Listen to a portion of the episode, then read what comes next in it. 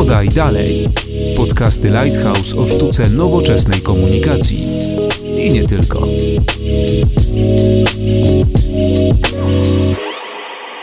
Dzień dobry, Konrad Domański. Zapraszam na ósmy odcinek podcastu Lighthouse Podaj Dalej którym skupimy się tym razem na polityce. Porozmawiamy między innymi o różnicach pomiędzy komunikacją polityczną i biznesową, o marketingu politycznym i jego przyszłości, ale też o trwającej kampanii wyborczej. Moimi i waszymi gośćmi są dzisiaj Jarosław Bańda, dyrektor zarządzający w Lighthouse. Dzień dobry. Oraz dr Bartłomiej Biskup, politolog z Uniwersytetu Warszawskiego, a jednocześnie obserwator i komentator życia politycznego i ekspert marketingu politycznego. Dzień dobry.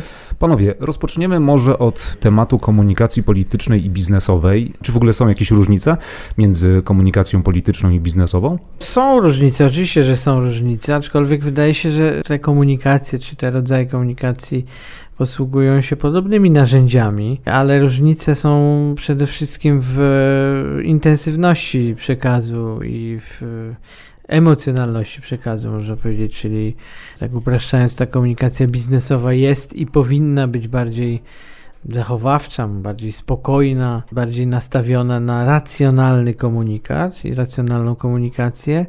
Natomiast ze swojej natury rzeczy komunikacja polityczna jest i bywa bardziej emocjonalna. Szczególnie w okresach takich jak teraz, w okresach kampanii wyborczej, ta e, dawka emocji w tej komunikacji no, przybiera na sile z powodów oczywistych, bo ludzie głosują w większym stopniu emocjami niż pod wpływem jakichś argumentów. I wydaje mi się, że to jest najczęstejsza różnica, bo dzisiaj w tej takiej dobie ciągłego prowadzenia kampanii wyborczej, czyli używane jest pojęcie kampanii permanentnej, też nie, nie da się, znaczy są troszkę okresy o mniejszej, mniejszej intensywności, ale jednak tak czy siak, no gdzieś tam ci politycy muszą do emocji ludzkich docierać, a w biznesie też są podejmowane decyzje emocjonalne, ale wydaje się, że w znacznie rzadszym e, stopniu. Ja na pewno zgodzę się z tym, że te dwa światy, jeśli moglibyśmy w ten sposób powiedzieć, zaczynają się do siebie mocno zbliżać coraz bardziej przenikać, głównie w warstwie narzędziowej.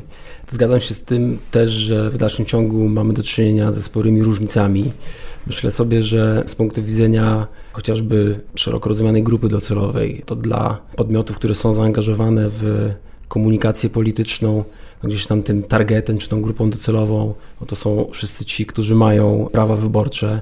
W Polsce to jest dzisiaj 20 parę milionów, dobrze mówię? No nawet około 30. E, nawet tak, około tak, 30 tak. milionów ludzi. Z punktu widzenia komunikacji biznesowej, ta grupa docelowa jest zawsze, zawsze nieco, nieco węższa. To jest jedna rzecz. Też nie możemy zapominać o tym, że zarówno jak jeden, jak i drugi rodzaj komunikacji kieruje się trochę innymi celami. W przypadku komunikacji politycznej, tutaj korzystając z obecności politologa, no, no, zakładam, że celem jest gdzieś tam zdobycie czy wygranie wyborów i realizacja programu danej partii. W przypadku komunikacji biznesowej gdzieś tam na samym końcu jest oczywiście wzrost przychodów, realizacja, mhm. realizacja zysków. To wbrew pozorom te dwa cele troszeczkę warunkują czy determinują inne podejście do, do komunikacji. A co polityka może wynieść z komunikacji biznesowej i vice versa, co biznes może wynieść waszym zdaniem z komunikacji politycznej? No, polityka na pewno wykorzystuje chyba i, i, może wykorzystywać różne nowe narzędzia, które są tworzone przede wszystkim właśnie w komunikacji biznesowej, czy w ogóle w biznesie, który ma na to czasami większe środki. Trochę to też jest odwrotnie, bo czasami biznes też wynosi coś z komunikowania politycznego, ale tu ma, mam na myśli konkretne, konkretny obszar, to znaczy na przykład jak jeżeli byśmy wzięli pod uwagę badania, które dzisiaj możemy robić, czyli cały rynek badawczy, który biznes robi no, od lat, a politycy coraz częściej, to dzisiaj na przykład, jeżeli mogę powiedzieć, to obserwuję właśnie położenie szczególnego nacisku właśnie na badania opinii publicznej i też rozwój technik badawczych w komunikowaniu politycznym. Bardzo duży, bardzo duży, dlatego że o ile jak robimy badania nie wiem, produktu, marki, komunikacji firmowej, to wykorzystujemy od dawna już różne techniki, coraz, co roku coraz nowsze, w tej chwili bada się tam fale mózgowe, śledzi zachowanie gałki ocznej, potliwość ciała i tak dalej, to już mówię o takich troszkę troszkę ciekawostkowych, ale wykorzystywanych zdecydowanie w badaniach konsumenckich. No i w polityce dzisiaj coraz częściej to się stosuje. Też byłem wielokrotnie świadkiem i współrealizowałem badania właśnie typu live, to znaczy badania na żywo, przemówień polityków po to, żeby wyciągnąć z tego jakieś wnioski, co jeszcze parę lat temu w ogóle się nie, nie zdarzało, prawda? A w biznesie już były początki takich technik badawczych, czyli, czyli mówię o tych narzędziach, które się mogą przenikać, które oczywiście są dosyć kosztowne i dzisiaj wydaje mi się politycy wydają coraz więcej pieniędzy na to, żeby tych wyborców swoich, chociaż to są, jak Jarek powiedział, duże grupy, prawda? W polityce to są duże grupy społeczne albo duże grupy w ogóle wyborców, no to żeby się jak najwięcej o nich dowiedzieć. W biznesie mamy je bardziej skondensowane, możemy, możemy lepiej do nich wycelować. Zawsze trzeba myśleć chyba o takich pozytywach, które mogą tutaj się z tego urodzić. Ta wymiana tych środków, technik badawczych, jako, jako naukowiec muszę tu powiedzieć o tych badaniach, ale też na przykład dla mnie to jest takie dosyć istotne w ty, w, na styku tych obszarów. Z mojej perspektywy to, co, czego polityka może się cały czas uczyć od biznesu, to jest pewnego rodzaju profesjonalizm, jeśli chodzi o prowadzenie działania. Oczywiście polityka Made in Poland, ona bardzo mocno się sprofesjonalizowała. No możemy patrzeć na ostatnie 30 lat i widzimy bardzo duże różnice w podejściu, myśleniu strategicznym, kreacji, no chociażby inwestycji w pewne instrumentarium badawcze, o którym Bartek wspomniał przed chwilą. Natomiast wydaje mi się, że tutaj w dalszym ciągu jest miejsce na, na dwie rzeczy, to znaczy jakieś takie techniki wprost zaczerpnięte z project managementu, który gdzieś tam się rodził bardziej po stronie biznesowej niż po stronie politycznej a druga rzecz to jest kwestia strategicznego myślenia, czyli dobrego zrozumienia odbiorcy gdzieś tam na podstawie, e, jak to się ładnie mówi, insightów, wypracowania pewnej strategii komunikacji, później efektywnej realizacji tej strategii za pomocą jakiegoś określonego zestawu działań komunikacyjnych. Z kolei wydaje mi się, że jeżeli chodzi o, o biznes, to tutaj widzę co najmniej kilka rzeczy, e, których biznes mógłby się od polityki nauczyć. Ciekawą kwestią wydaje mi się takie bardzo mocne zorientowanie na wymierne efekty działań. W polityce efektywność komunikacyjna jest weryfikowana w bardzo prosty sposób, to znaczy wynikiem wyborczym.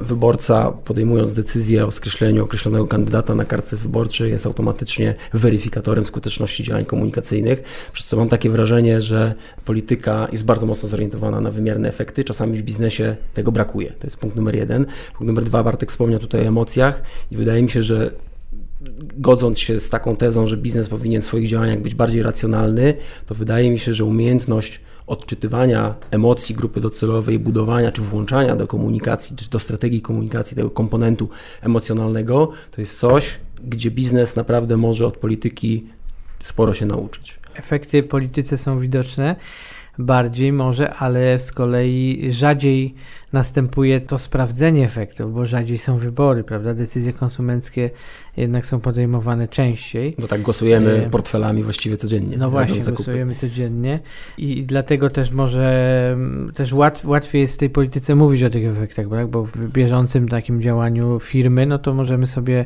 te strategie oceniać po jakimś czasie, a tutaj już możemy, te kampanie dzisiaj trwają dosyć krótko, te takie intensywne wyborcze, więc tu możemy sobie to oceniać bardzo szybko.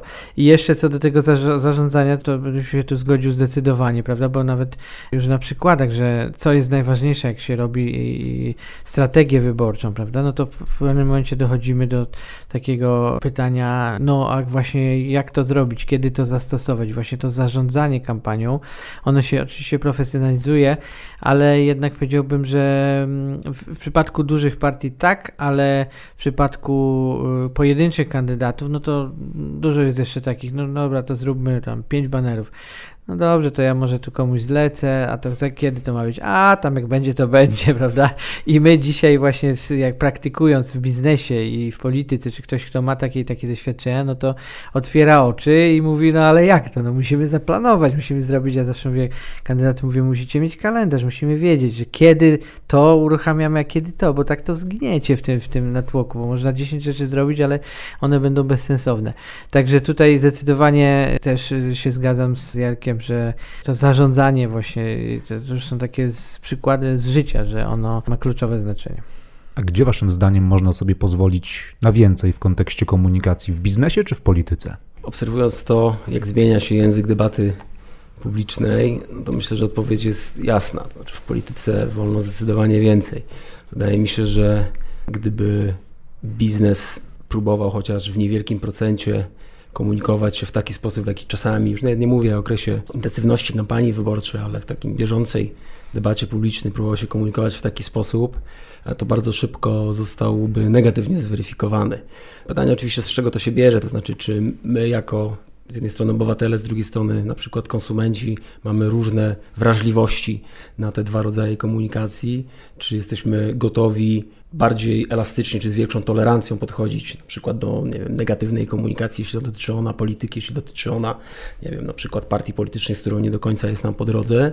Z kolei w przypadku, kiedy na przykład ten rodzaj komunikacji przyjmuje firma bardzo mocno przeciwko temu, gdzieś tam protestujemy, bądź w rozmowach ze znajomymi, bądź to też poprzez głosowanie portfelami, wybierając produkty na przykład innej firmy. Więc wydaje się, że patrząc na to, jak ta komunikacja wygląda dzisiaj, chyba więcej przestrzeni do zachowań, które nie do końca są, są ok, widać w polityce. Tylko pozostaje mi się zgodzić, znaczy niestety tak się dzieje i są jakby testowane kolejne granice i przekraczane kolejne granice, co wolno, czego nie wolno, jak opinia publiczna zareaguje. W biznesie czasami się to robi, szczególnie hmm poprzez różne kampanie reklamowe, takie mm, szokujące, gdzieś tam godzące w różnego typu wartości, ale znacznie rzadziej, prawda? I wtedy to jest zawsze pytanie, czy ten ktoś chciał się e, wyróżnić, czy żeby o nim usłyszano, czy to jest nowa firma, czy po prostu ktoś przekroczył granicę. Mamy takich przykładów wiele. Ale w polityce to się robi nagminnie właściwie. No co chwilę mamy codziennie takie doniesienia, że ten to powiedział, to powiedział, tych obraził, tamtych obraził, oblał e, pomyjami konkurenta. To się też wiąże z kampanią negatywną, której w biznesie jest e, niewiele, a w, a w polityce właśnie bardzo dużo, więc w polityce niestety wolno więcej. No mamy oczywiście przykłady z biznesu, przytaczając chociażby przykład prezesa jednej z tanich linii lotniczych, który no, gdzieś tam słynie z kontrowersyjnych wypowiedzi i nie boi się mówić jak jest, jeśli mogę w ten sposób e, powiedzieć. No jest, mam takie wrażenie, jednak mimo wszystko traktowany jako pewnego rodzaju osobliwość, ciekawostka. Nie wydaje mi się, żeby ten sposób komunikacji był pewnym standardem, jeśli chodzi o komunikację biznesową. Natomiast jeśli rzeczonego prezesa porównywalibyśmy z politykami, no to na ich tle wypada po prostu jak przedszkolak. Chociaż z drugiej strony też mamy coraz więcej takich jeszcze w polityce Donaldów Trumpów, prawda, którzy też y, łamią te bariery polityczne. Nie wiadomo, czy to nie stanie się w ogóle standardem w polityce niedługo. A że w polityce można sobie pozwolić na więcej, widać to zwłaszcza w kontekście kampanii wyborczych. Jesteśmy w trakcie trwania kampanii wyborczej 2019, kampanii parlamentarnej. W ogóle to powinniście wiedzieć, że ten podcast jest nagrywany mniej więcej na dwa tygodnie przed wyborami parlamentarnymi, więc już teraz myślę, można troszkę podsumować, czym obecna kampania różni się od tej z 2015. No ja nie, nie, widzę za wielu różnic, to znaczy jeżeli chodzi o to, co, co jest widoczne gołym okiem, czyli jakieś narzędzia używane i tak dalej, no to to wszystko jest podobne, nic tu nowego e, nie wymyślono, bo mamy, no mamy spoty, mamy jakieś tam piosenki jak zwykle, mamy dużo outdooru, mamy reklamy i tak dalej. Wydaje mi się, że, że, że hmm, troszkę jakbyśmy spojrzeli na strategię, no to one, one są trochę inne, prawda? I strategie głównych partii politycznych, odniesienia się do, do wyborców, odniesienia się do tego, co dana partia by chciała uzyskać, prawda?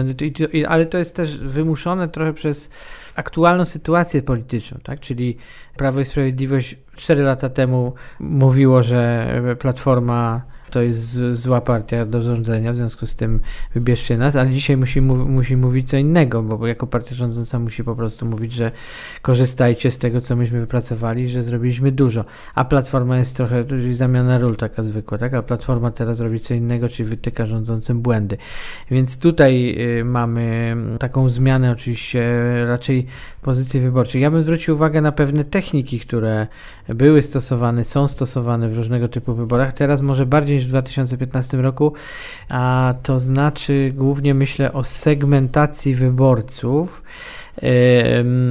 i e, o tym, że jest to bardzo dokładnie zbadane i e, powiedziałbym, że te partie bardziej profesjonalne, już nie chciałbym tego oceniać teraz kto i co może, chociaż może, po prostu mają lepiej wycelowaną w kampanię. Tak? No, wystarczy spojrzeć na przykład na e, słynne objazdy kto gdzie jeździ, kto jest w jakim powiecie, już nie mówię o województwie, to nie ma znaczenia kompletnie, tylko kto jest w jakim powiecie, jaki polityk którego ugrupowania.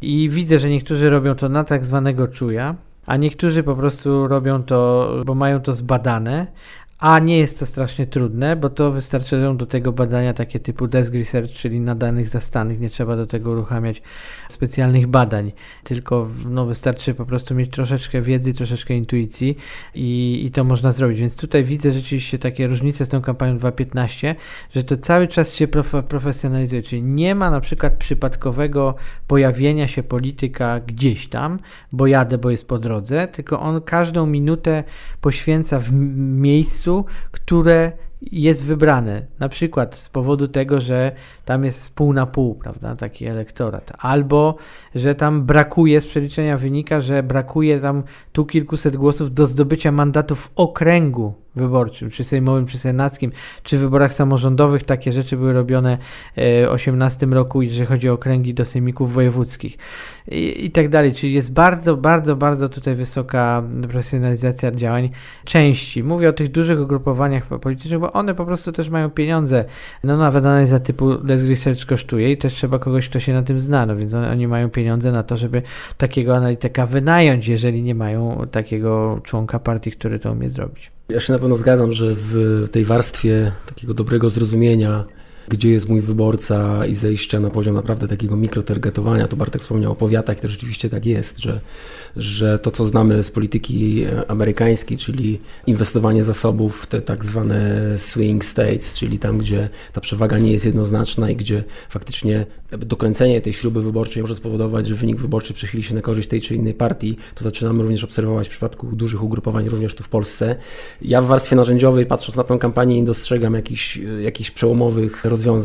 Wydaje mi się, że wszystkie główne ugrupowania polityczne gdzieś tam w tej naszej rzeczywistości bardzo mocno spolaryzowanej, także jeśli chodzi o tą przestrzeń medialną, stawiają na bezpośredni kontakt z wyborcami. Wiedzą, że media społecznościowe nie gwarantują bezpośredniego dotarcia do tych, którzy nie do końca się identyfikują z przekazem danej partii, wiadomo, bańki medialne i tak. Więc widzimy tutaj dosyć mocną popularność bardzo mocną inwestycję czasową i finansową w takie bezpośrednie spotkania typu wiece, targowiska, coś co wydaje się e, w 2015 roku sprawdziło się, jeśli chodzi o Prawo i Sprawiedliwość, właściwie wszystkie komitety wyborcze podczas tej kampanii próbują e, z tego korzystać. Jaki będzie efekt? Zobaczymy, bo być może ta kampania w ogóle rozgrywa się na trochę innych poziomach niż, niż jakby czysto, czysto na, na, na narzędziowych i że tutaj ta kampania no jest trochę być może o, o, o czym innym, o czym pewnie za chwilę będziemy rozmawiać. A czy już teraz da się wyznaczyć takiego komunikacyjnego lidera wśród partii? Tak, zdecydowanie to jest Prawo i Sprawiedliwość, no, dlatego że po pierwsze jest liderem zawsze takim czasowym powiedziałbym, zawsze pierwsze rozpoczyna kampanię, mają dobrze rozplanowaną, jeżeli chodzi właśnie o ten harmonogram kalendarz, o którym mówiliśmy parę minut wcześniej. No i też z reguły narzuca tematy, no, czyli tak zwaną, tak zwaną narrację, czyli narzuca tematy, więc y, zdecydowanie tak. No i teraz to jest taki du duży problem opozycji, tak? Czyli, że opozycja próbuje, zależy jaka, ale generalnie mówiąc opozycja, ale Platforma Obywatelska próbuje się dostosować do tego, łapać jakieś tematy i też próbuje jakoś swoją narrację narzucić, ale nie wychodzi to za, za dobrze. Też wydaje mi się dlatego, to już idąc trochę głębiej w to, jeżeli możemy, że wydaje mi się, że po prostu klucz tkwi w złym sformułowaniu celów strategicznych całych kampanii. Czyli musimy się po pierwsze zastanowić, czego my chcemy. Czasami mam wrażenie, że niektórzy politycy, oni nie chcą wygrać wyborów, czy to, to jest taki cel, no nie, albo zdobyć iluś tam procent poparcia, tylko chcą utrzymać władzę w swojej partii. No to jeżeli jest tak zarysowany cel, to na co innego powinniśmy się nastawiać, ale zewnętrznie ten cel się komunikuje inaczej całkowicie. Mówi się tak, wygramy, odsuniemy PiS od władzy. No tak, tylko pytanie, czy to jest rzeczywisty cel. No i druga sprawa, yy, jeszcze kończąc ten wątek, to są właśnie te cele negatywne, czyli jeżeli mamy negatywny cel komunikacyjny, to tak w polityce, jak i w biznesie, to ma bardzo krótkie nogi i tak się po prostu nie robi. Znaczy, no nie przypominam sobie kampanii biznesowej, komunikacyjnej, którą byśmy robili, czy pewnie ja, czy pewnie ty tak samo, która by zakładała negatywne cele. Oczywiście, że chcemy więcej sprzedać niż ci, czy lepiej się komunikować, więcej sprzedać niż konkurencja, to jest oczywiste, ale nie zakładamy nigdy a priori, że my ich musimy tam zdusić albo musimy ich coś z nimi zrobić. Czyli właśnie wydaje mi się, że ten cel jest od razu tak młodzieżowym językiem położony, że jak mówimy, odsunąć inną partię od władzy przy dużym wzroście gospodarczym, y, dużym wzroście zamożności, pozytywnych wskaźnikach takich socjospołecznych, tak, zadowolenia z życia i tak dalej, to no nie jest to zrozumiałe dla wyborców. Wydaje mi się, że właśnie na tym poziomie strategicznym, dlatego właśnie PiS cały czas dzierży palmę pierwszeństwa, czyli raz to jest właśnie przygotowanie i zaplanowanie i dwa to jest podejście strategiczne. Prawo i Sprawiedliwość lepiej ogarnia, jeśli mogę w ten sposób powiedzieć. I no, oczywiście można powiedzieć, że, że partia rządząca ma, ma łatwiej, bo może siłą rzeczy nie tylko narzucać różne tematy narracyjnie, ale też za tym mogą mieć konkretne działania. No, nie, przykład z dzisiejszego dnia, który tak. uważam, że jest naprawdę z punktu widzenia kampanijnego bardzo dobrym ruchem, czyli nasi siatkarze, którzy no, niesieni falą sukcesów utkwili gdzieś tam na lotnisku w Amsterdamie. Od razu pojawiła się oferta tutaj pomocy ze strony premiera premiera Morawieckiego, pojawiły, poszły za tym dobre zdjęcia, pozytywny przekaz, myślę, że, że, że jakby zdominowany dzień przez, przez właśnie ten, ten ruch. To jest jedna rzecz. Druga rzecz to jest oczywiście cała ta warstwa no właśnie narracyjna. Dziś wydaje się, że Prawo i Sprawiedliwość ma po prostu ciekawszą historię do opowiedzenia. Nie, nie chcę jakoś tam bardzo dużo na ten temat mówić, ale wszystkim tutaj słuchaczom naszego podcastu polecam taką książkę, która niedawno się pojawiła Marcina Napiórkowskiego. To jest taki naukowiec, który zajmuje się między innymi mitami. Książka nosi nazwę turbopatriotyzm i on tam bardzo fajnie tłumaczy, no, dlaczego jest jak jest, jeśli można, można w ten sposób powiedzieć. I to jest tak, że faktycznie, jeśli popatrzymy na te dwie, na zderzenie tych dwóch narracji, w sensie PiSu i, i Platformy, no to jedna jest trochę bardziej o przeszłości, druga trochę bardziej o przyszłości. Czasy są takie, że wszystko możemy powiedzieć o tej przyszłości, ale nie to, że ona jest znana, że jej się nie boimy. Wydaje mi się, że dla większości Polaków na przyszłość jednak jest dużym znakiem zapytania i budzi raczej więcej obaw niż nadziei. Wydaje się, że tą przestrzeń bardzo dobrze zagospodarowało Prawo i Sprawiedliwość, między innymi gdzieś tam się odwołując do różnych ważnych momentów z naszej historii, pokazując, słuchajcie, my zrobimy tak, jak było kiedyś. I dla ludzi to kiedyś jest pewną gwarancją bezpieczeństwa, że będą spokojnie żyli.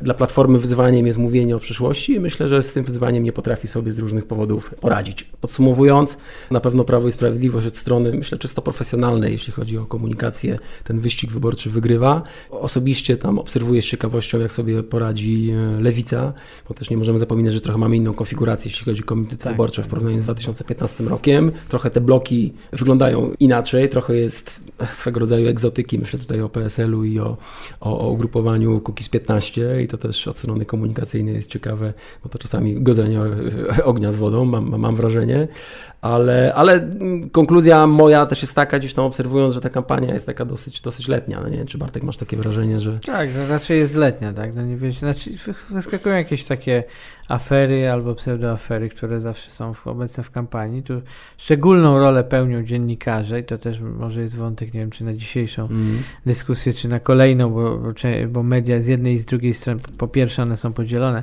ale po drugie też no czasem jakby tworzą, w kampanii wydaje się, że tworzą więcej takich materiałów śledczych różnego typu niż, niż poza tą kampanią. Trochę mamy taką wojnę pozycyjną po prostu, bo też elektorat właściwie nie ma skąd brać już elektoraty. Tak, gdzieś tam żeśmy to już dzisiaj ktoś coś napisał, ale analizując, mamy takie zebrania socjologów, politologów z, z różnych uczelni analizujące sondaże.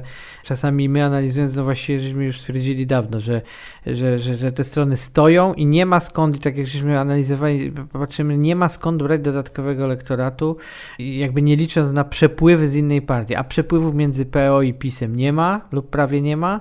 No jedyne Przepływy dzisiaj są ko Koalicja Obywatelska, Lewica i jak jedno ma lepiej, to drugie ma gorzej, ale to jest wszystko w tym samym elektoracie. Jakby mhm. nie ma tutaj nowych pól i też może dlatego po prostu wszyscy dbają o to, co mają, siedzą w tych okopach gdzieś na tej linii, prawda, Marzinota czy, czy innej y, i się, i tam tak jak to było w I wojnie światowej, że miesiącami tam siedzieli i, i strzelali tymi, no, nigdzie te kule nie dolatywały albo tam wyrządzały niewielkie szkody ale raczej chodziło o to, żeby tam siedzieć i nie przekraczać tej linii frontu, nie dać przeciwnikowi, bo, bo tak naprawdę nie ma widoków na to, żeby gdzieś te linie z każdej strony przekroczyć. Mhm. Skoro mowa o tym nowym elektoracie, to czy waszym zdaniem jakieś partie polityczne potrafią trafiać do młodych ze swoimi kampaniami? Oj, z młodymi to jest wielki problem. Dobrze, że my już nie jesteśmy tacy młodzi, tylko w średnim wieku można powiedzieć, bo z młodymi jest problem taki, że bardzo ciężko ich w ogóle namówić na aktywność społeczną, szerzej ujmując, w tym polityczną. I teraz oczywiście partie jakoś mają jakieś tam sposoby trochę, można do nich trafić. No ostatnio, nie wiem, widziałem jakiś tam taki do, młodzieżowy spot yy, PiSu, PiSu mm. prawda, ciekawy, fajnie zrobiony, tak od strony profesjonalnej go oceniając, yy, młodzieżowym językiem i tak dalej.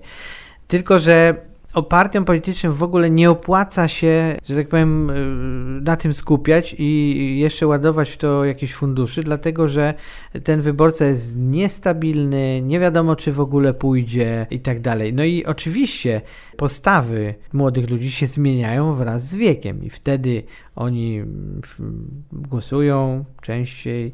Natomiast to jest pytanie, czy opłaca się w polityce tak jak w biznesie, bo w biznesie to opłaca, wychowywać sobie konsumentów, czy wychowywać wyborców.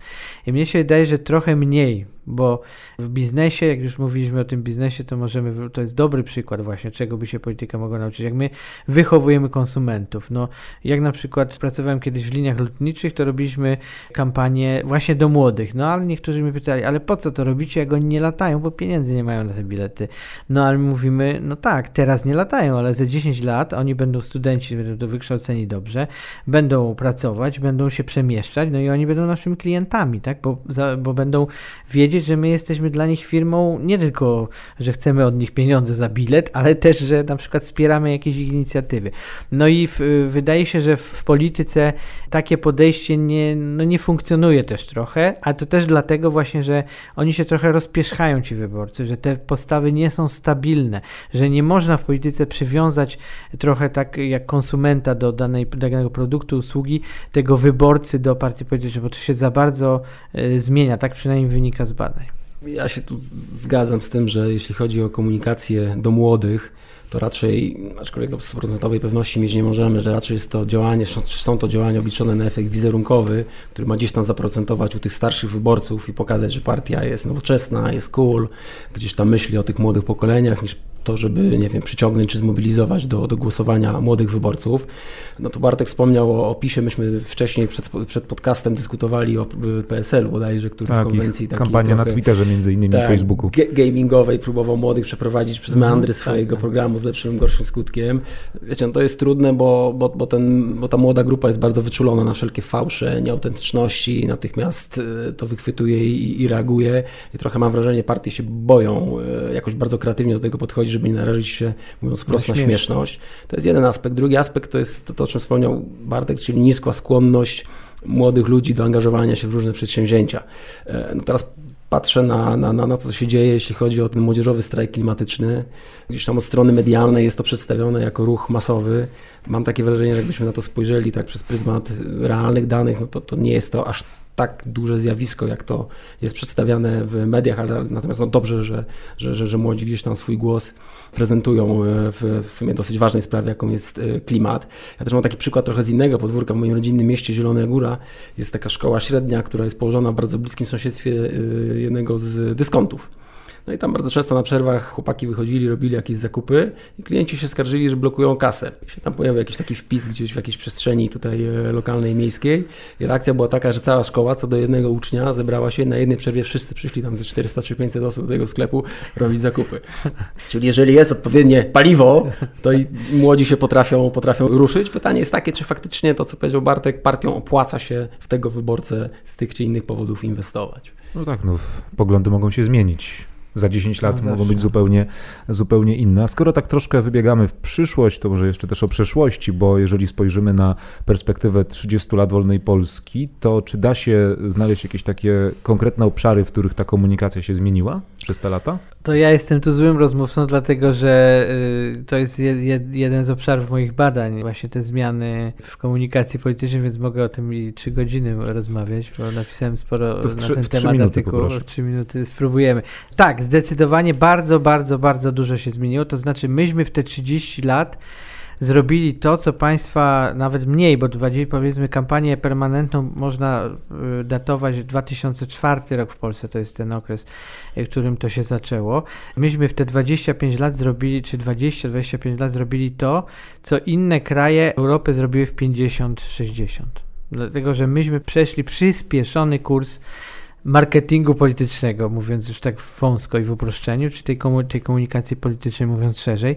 Czyli jak y, my czytamy różne opracowania, książki, jakie tam były etapy kampanii w Stanach Zjednoczonych, w Europie Zachodniej, i to trwało od lat 50., to 60., to w 70., to, no to myśmy to zrobili te 15-20 pierwszych lat i teraz jakby jesteśmy już, do, dokładnie jesteśmy na tym samym poziomie, co Stany, Europa Zachodnia, więc tutaj bardzo, bardzo, bardzo, bardzo dużo się zmieniło. To nie jest, znaczy, jedyne co się nie zmieniło, to powiedziałbym, że to, to jest taka masowość profesjonalizacji, której w Polsce nie ma. Rynek taki profesjonalny usług z zakresu marketingu politycznego zapotrzebowania na nie jest cały czas mały. Trochę się rozwinął, ale jest mały. W porównaniu ze Stanami to jest przepaść, gdzie właściwie tam każdy korzysta z profesjonalnych doradców, sztabów, każdy kandydat na senatora, a u nas jest bardziej takie cały czas jeszcze pospolite ruszenie, niekiedy. Natomiast jeżeli chodzi o te duże strategie, duże strategie prezydenckie, partyjne, no to to jest na bardzo wysokim poziomie. I tutaj, ponieważ ja się akurat zajmuję tą profesjonalizacją, badaniem doradztwa politycznego i tak dalej, no z mojego punktu widzenia, też może narzędzi stosowanych w kampaniach wyborczych, no to jest gigantyczny postęp. To, to też może to jest naturalne historycznie, prawda, ponieważ no po tych latach e, bycia za tą żelazną kurtyną. Po prostu myśmy to, jak to się mówi, łykali jak te żurawie, prawda, e, karmę i, i uczyliśmy się tego bardzo, bardzo szybko.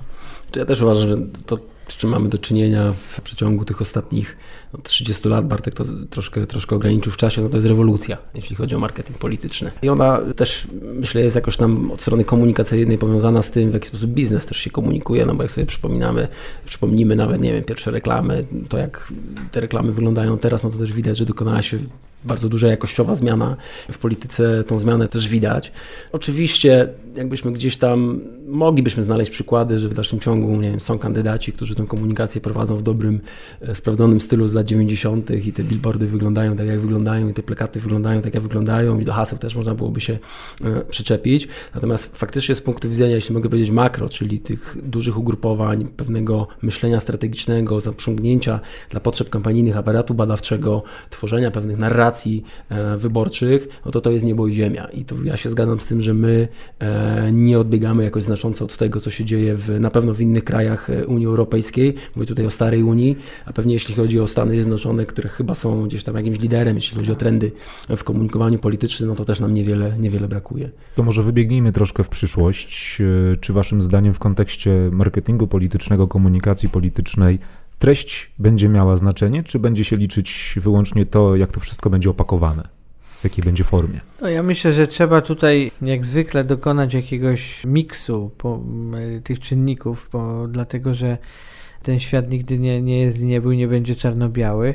I oczywiście coraz większą uwagę zwracamy na formę i coraz większą uwagę się przywiązuje w komunikowaniu do formy, ale jednak treść cały czas ma znaczenie, tylko że oczywiście w formie uproszczonej i w formie takiej mniejszej niż, niż do tej pory. Czyli wydaje mi się, że to, co teraz mamy, to będzie kontynuowane. Czyli, że raczej, jeżeli mówimy o programy partyjne na przykład, to będziemy mieli do czynienia z kilkoma nośnymi hasłami, takimi sztandarowymi hasłami kampanii. Te programy szczegółowe to będą dla hobbystów, wyborców, e, naukowców, badaczy i tak dalej, żeby tam porównać i to się, że dziennikarze przecież to robią bardzo też skutecznie, że porównują programy szczegółowo, natomiast no, na poziomie takiej komunikacji ona e, będzie taką moim zdaniem komunikacją meta, tak, czyli mamy pięć haseł, trzy hasła, czy, czy dużo hasła, nie tylko hasła, ale projekty robimy tam, coś zmniejszamy, coś zwiększamy, nie wiem, Polska tu, Polska tam, kiedyś Lech Wałęsa mówił, że drugą Japonią, to też mogą być projekty w sferze idei właśnie, ta druga Japonia to jest jakaś, to była jakaś idea, pod którą coś tam się mogło kryć szczegółowego.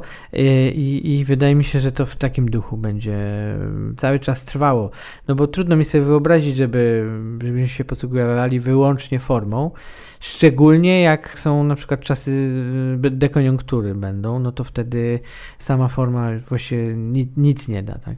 No ja szczerze mówiąc, że osobiście miałbym, miałbym jakieś nadzieje na takie przewartościowanie, w sensie takim, że przynajmniej zostanie zachowana jakaś równowaga między formą a treścią, ale myślę, że trend będzie taki, że ta komunikacja polityczna będzie coraz bardziej emocjonalna. Myślę sobie, że e, ze względu na to, w którą stronę zmierza świat, że ta ilość informacji, która do nas dociera, ta walka o uwagę nas jako, jako odbiorcy jest coraz bardziej zaciekła, to trochę, myślę, wpisuje się w to, co mówił Bartek, że te komunikaty będą krótsze, z krótszym terminem ważności, ale bardzo mocno nacechowane emocjami. Dzięki temu będą w stanie gdzieś tam oddziaływać na świadomość i podświadomość wyborców.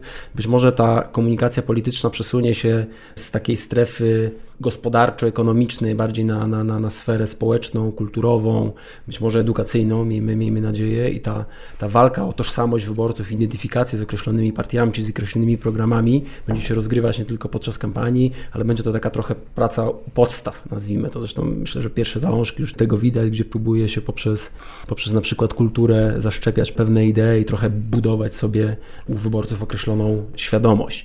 Natomiast co do, co do samych kampanii, no mam takie wrażenie, że to będzie coraz bardziej emocjonalne, coraz bardziej nastawione na takie mocne, konkretne, treściwe, zapadające w świadomość e, przekazy, ale jak mówię osobiście liczyłbym, że, że to się jednak kiedyś być może przewartościuje i bardziej zrównoważy.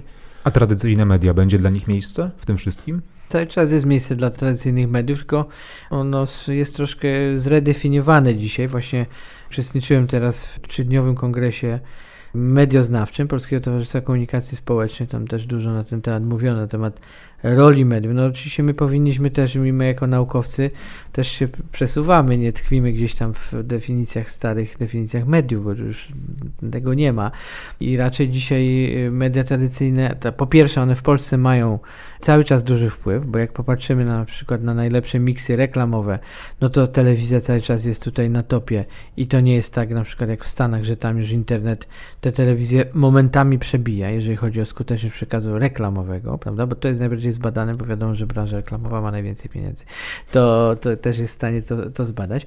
A po drugie, te media tradycyjne, na przykład prasa, ona też troszkę ma dzisiaj inną rolę, ma rolę właśnie taką bardziej opiniotwórczą, może jest Y, właśnie ona się odmasowia, prawda? Czyli, ale też z drugiej strony, przechodząc do internetu, no też każdy właściwie może być jej odbiorcą, czyli takie, to chodzi raczej o formę wydań papierowych niż o, niż o same treści. Ta prasa cały czas, przecież dzisiaj politycy zaczynają dzień od tego, y, że czytają prasę, słuchają radia i odnoszą się do tego, co dany dziennikarz powiedział, czyli dziennikarze tych mediów tradycyjnych cały czas mają, e, mają ten wpływ, a wydaje mi się, że troszkę przeceniamy jednak jednak media społecznościowe, dlatego że y, moim zdaniem one akurat na, na kampanie polityczne i na ich skuteczność nie mają aż takiego wpływu. Raczej tutaj już mówił Jarek o bańkach informacyjnych i tutaj do tego można nawiązać, że raczej te media społecznościowe w dużej mierze są tymi bańkami ludzi, którzy czy ludzi, czy nawet jakichś tam plemion, którzy są za lub prze, przeciw jakiejś partii politycznej i oni się tak we własnym sensie nakręcają, myślą, że to jest jakiś pro, problem yy, globalny albo co najmniej ogólnopolski, a później człowiek właśnie wychodzi do tego obywatela, idzie na bazar, na ulicę i okazało się, że nikt nie słyszał o czymś tam, o jakiejś tam hejterce, hejterze, prawda? Więc w tym sensie wydaje mi się, że, że, że jednak media tradycyjne i telewizja szczególnie, tutaj ich rola zostanie utrzymana, jak należy. Nie należy już pisać nekrologu dla mediów tradycyjnych, jeśli chodzi o, o komunikację polityczną.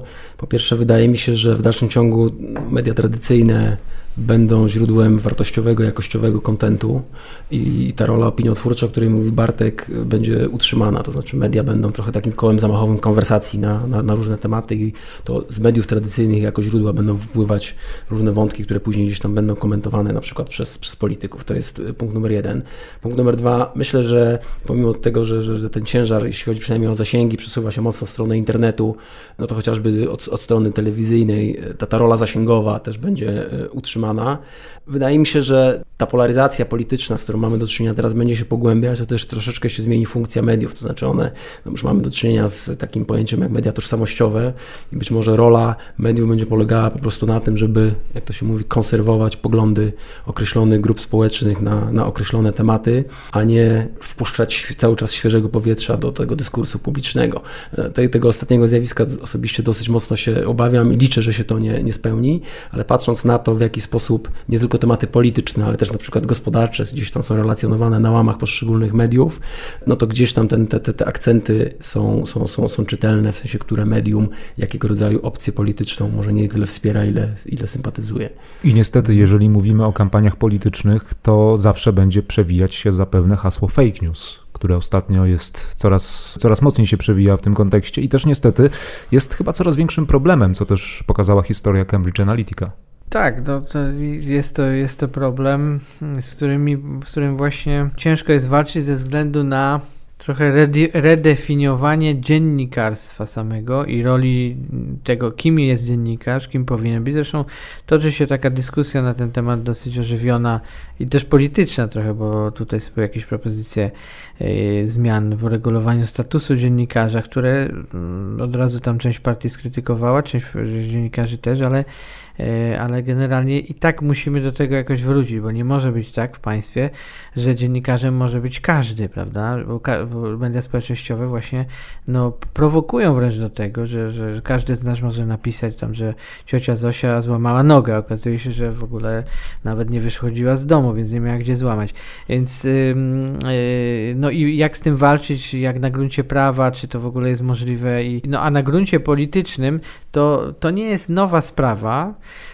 to też mogę jako ciekawostkę powiedzieć, jak też doradzam czasami w kampaniach wyborczych, kandydatom indywidualnym, to też już w latach 90., 2000 już mieliśmy takie sytuacje i też osobiście miałem, że po prostu kogoś oczerniono, tak?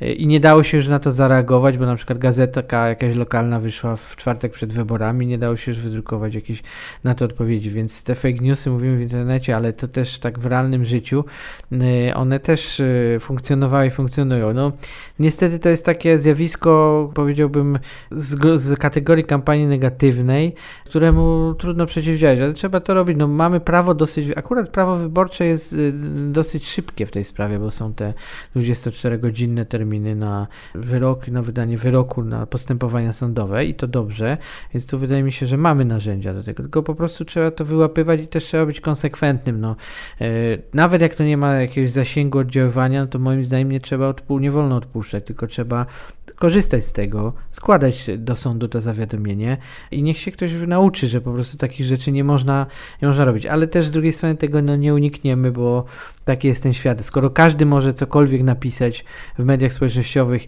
i jest jakaś szansa na to, że to się gdzieś przebije, no to też nie unikniemy ludzi, którzy zrobią tego zły, zły użytek. Ja nie mam złudzeń, że fake newsy będą, te narzędzia kampanii negatywnej, one się będą też rozwijać. Już dzisiaj mówimy o jakichś tam deepfake'ach, czyli, czyli właściwie z wykorzystaniem technik wideo, jakiejś takiej bardziej pogłębionej manipulacji, gdzie właściwie w usta każdego można włożyć e, każde słowa i już dziś mówi się o tym, że, że tego typu techniki mogą bardzo realnie wpływać na, na, na wyniki wyborcze. Jeżeli rozmawiamy o rozwiązaniach systemowych, to myślę, że po pierwsze jest potrzebna jakaś taka decyzja trochę o samo kontroli czy samoograniczeniu. No nie mam najmniejszych złudzeń, że politycy raczej na to nie pójdą, ale myślę, że w tej sferze medialnej, mam tu na myśli zarówno twórców treści, jak i platformy, które zajmują się dystrybucją tych treści, no potrzebna jest jakaś świadoma, odpowiedzialna decyzja, że to jest poważny problem i trzeba sobie z tym jakoś poradzić. To jest jedna rzecz. Druga rzecz, są potrzebne regulacje, które ten proces e, jakoś będą wspierać, regulować, kontrolować. No i trzecia rzecz to jest kwestia technologii, bo no niestety fake newsy mają to do siebie, że bardzo szybko się rozprzestrzeniają, natomiast ich weryfikacja weryfikacja taka w czasie rzeczywistym no jest bardzo trudna i wymaga po prostu czasu. Być może są potrzebne algorytmy, są potrzebne technologie, które umożliwią albo inaczej skrócą ten proces. No dzisiaj wiemy, że no nie wiem, są, są, są organizacje fact-checkingowe, które patrzą na ręce na przykład politykom i na usta i próbują wychwytywać różne nieścisłości, a czasami nawet i przekłamania. Natomiast ten proces jest odłożony w czasie, czyli dziś, co dziś jest fake newsem, może być sprawdzone na przykład za jakiś czas. O tym nikt już nie będzie pamiętał, a fake news wyrządzi jakąś tam określoną szkodę. Więc myślę sobie, że na poziomie rozwiązań systemowych jest też potrzebna jakaś inwestycja w technologię, która skróci proces weryfikacji Czyli fake sztuczna newsów. inteligencja. Być może. No, Być teraz- może, natomiast tak. no, tutaj musimy być na pewno ostrożni. Właśnie, zwłaszcza, że teraz na przykład mamy y, dosłownie w, w ostatnich tygodniach i to po różnych stronach sceny politycznej przy, przykłady tego, jak zatrudnia się w, w, w, urzędach publicznych ludzi, którzy e, na tak zwanym drugim etacie prowadzą działalność no, hejterską, czy jakąś tam fake newsową, tak? I tutaj dotyczy to e, zarówno PiSu, jak i Platformy, więc możemy sobie spokojnie o tym poopowiadać. W sensie jako o zjawisku. No i to jest też, to właśnie Jarek dokładnie mówił, że to też chodzi o podejście, samoograniczenie, podejście partii politycznej. Jeżeli partia polityczna daje na to przyzwolenie i mówi, że no to jest właśnie okej, a ty, my, my tutaj e, zapłacimy z innego etatu, on będzie sobie tam na, trollował, czy robił jakieś hejty, no to, no to to jest po prostu słabe. No i myślę, że dzisiaj politycy są w takim fer- ferworze, że oni raczej mówią, to my im dołóżmy, to jeszcze tysiąc jakichś tam e, lajków do, na mojego posta i że to ich kręci.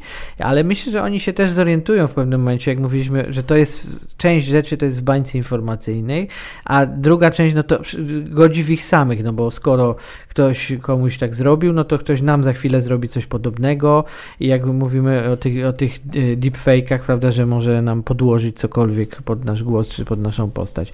Więc ym, no, na to też, też bym trochę liczył, że, że przyjdzie taki, teraz jest czas takiej, takiego zachłyśnięcia się tym, ale mm, prawdopodobnie przyjdzie taki czas, może za 5-10 lat takiego opamiętania, że po prostu to może być tego tak dużo, że politycy sami e, powiedzą, no dobra, to już nie robimy tak i wtedy jedyne zjawiska tego typu fejkowe czy treningowe będą ze strony na przykład e, obcego, obcych służb, obcych państw, które to, to i tak one wpływają na kampanię, czy starają się wpływać na kampanię y, takie państwa jak Rosja, więc wtedy przynajmniej będzie jasne, że to nie my, tylko kto inny. Znaczy, ja jestem trochę mniejszym optymistą, znaczy, y, wydaje mi się, że politycy podejmą decyzję o tym, żeby w trochę mniejszym stopniu e, korzystać z fake newsów tylko wtedy, kiedy uznają, że to jest dla nich opłacalne, a to się stanie, kiedy wyborcy wyślą czytelny sygnał, hej, my nie chcemy, żebyście w ten sposób z nami Mhm. rozmawiali. I być może to jest tak, że i tutaj upatruję jakąś jednak nadzieję, że ten moment jest jednak wszystko dosyć blisko, bo mam takie wrażenie, że jednak y, jako społeczeństwo jesteśmy już troszeczkę zmęczeni tym takim wzajemnym okładaniem się cepami i takim Tak. strzelaniem do siebie z pocisków mniejszego lub większego kalibru e, i trochę, trochę potrzebujemy rozmowy o pozytywnej stronie e, rzeczywistości i być może to wpłynie też na jakieś decyzje po stronie głównych ugrupowań politycznych, że być może nie tędy droga, jeśli chodzi o komunikację z wyborcami. Zostawimy Was z tymi przemyśleniami, a do tematu komunikacji politycznej na pewno jeszcze w podcaście Lighthouse Podaj Dalej wrócimy. Za nami ósmy odcinek. Moimi i Waszymi gośćmi byli dzisiaj Jarosław Bańda, dyrektor zarządzający w Lighthouse Dziękuję. oraz dr Bartłomiej Biskup, politolog z Uniwersytetu Warszawskiego. Dziękuję bardzo. Konrad Domański, do usłyszenia. Spodobał Ci się nasz podcast? Podaj dalej i śledź naszą stronę oraz kanały społecznościowe.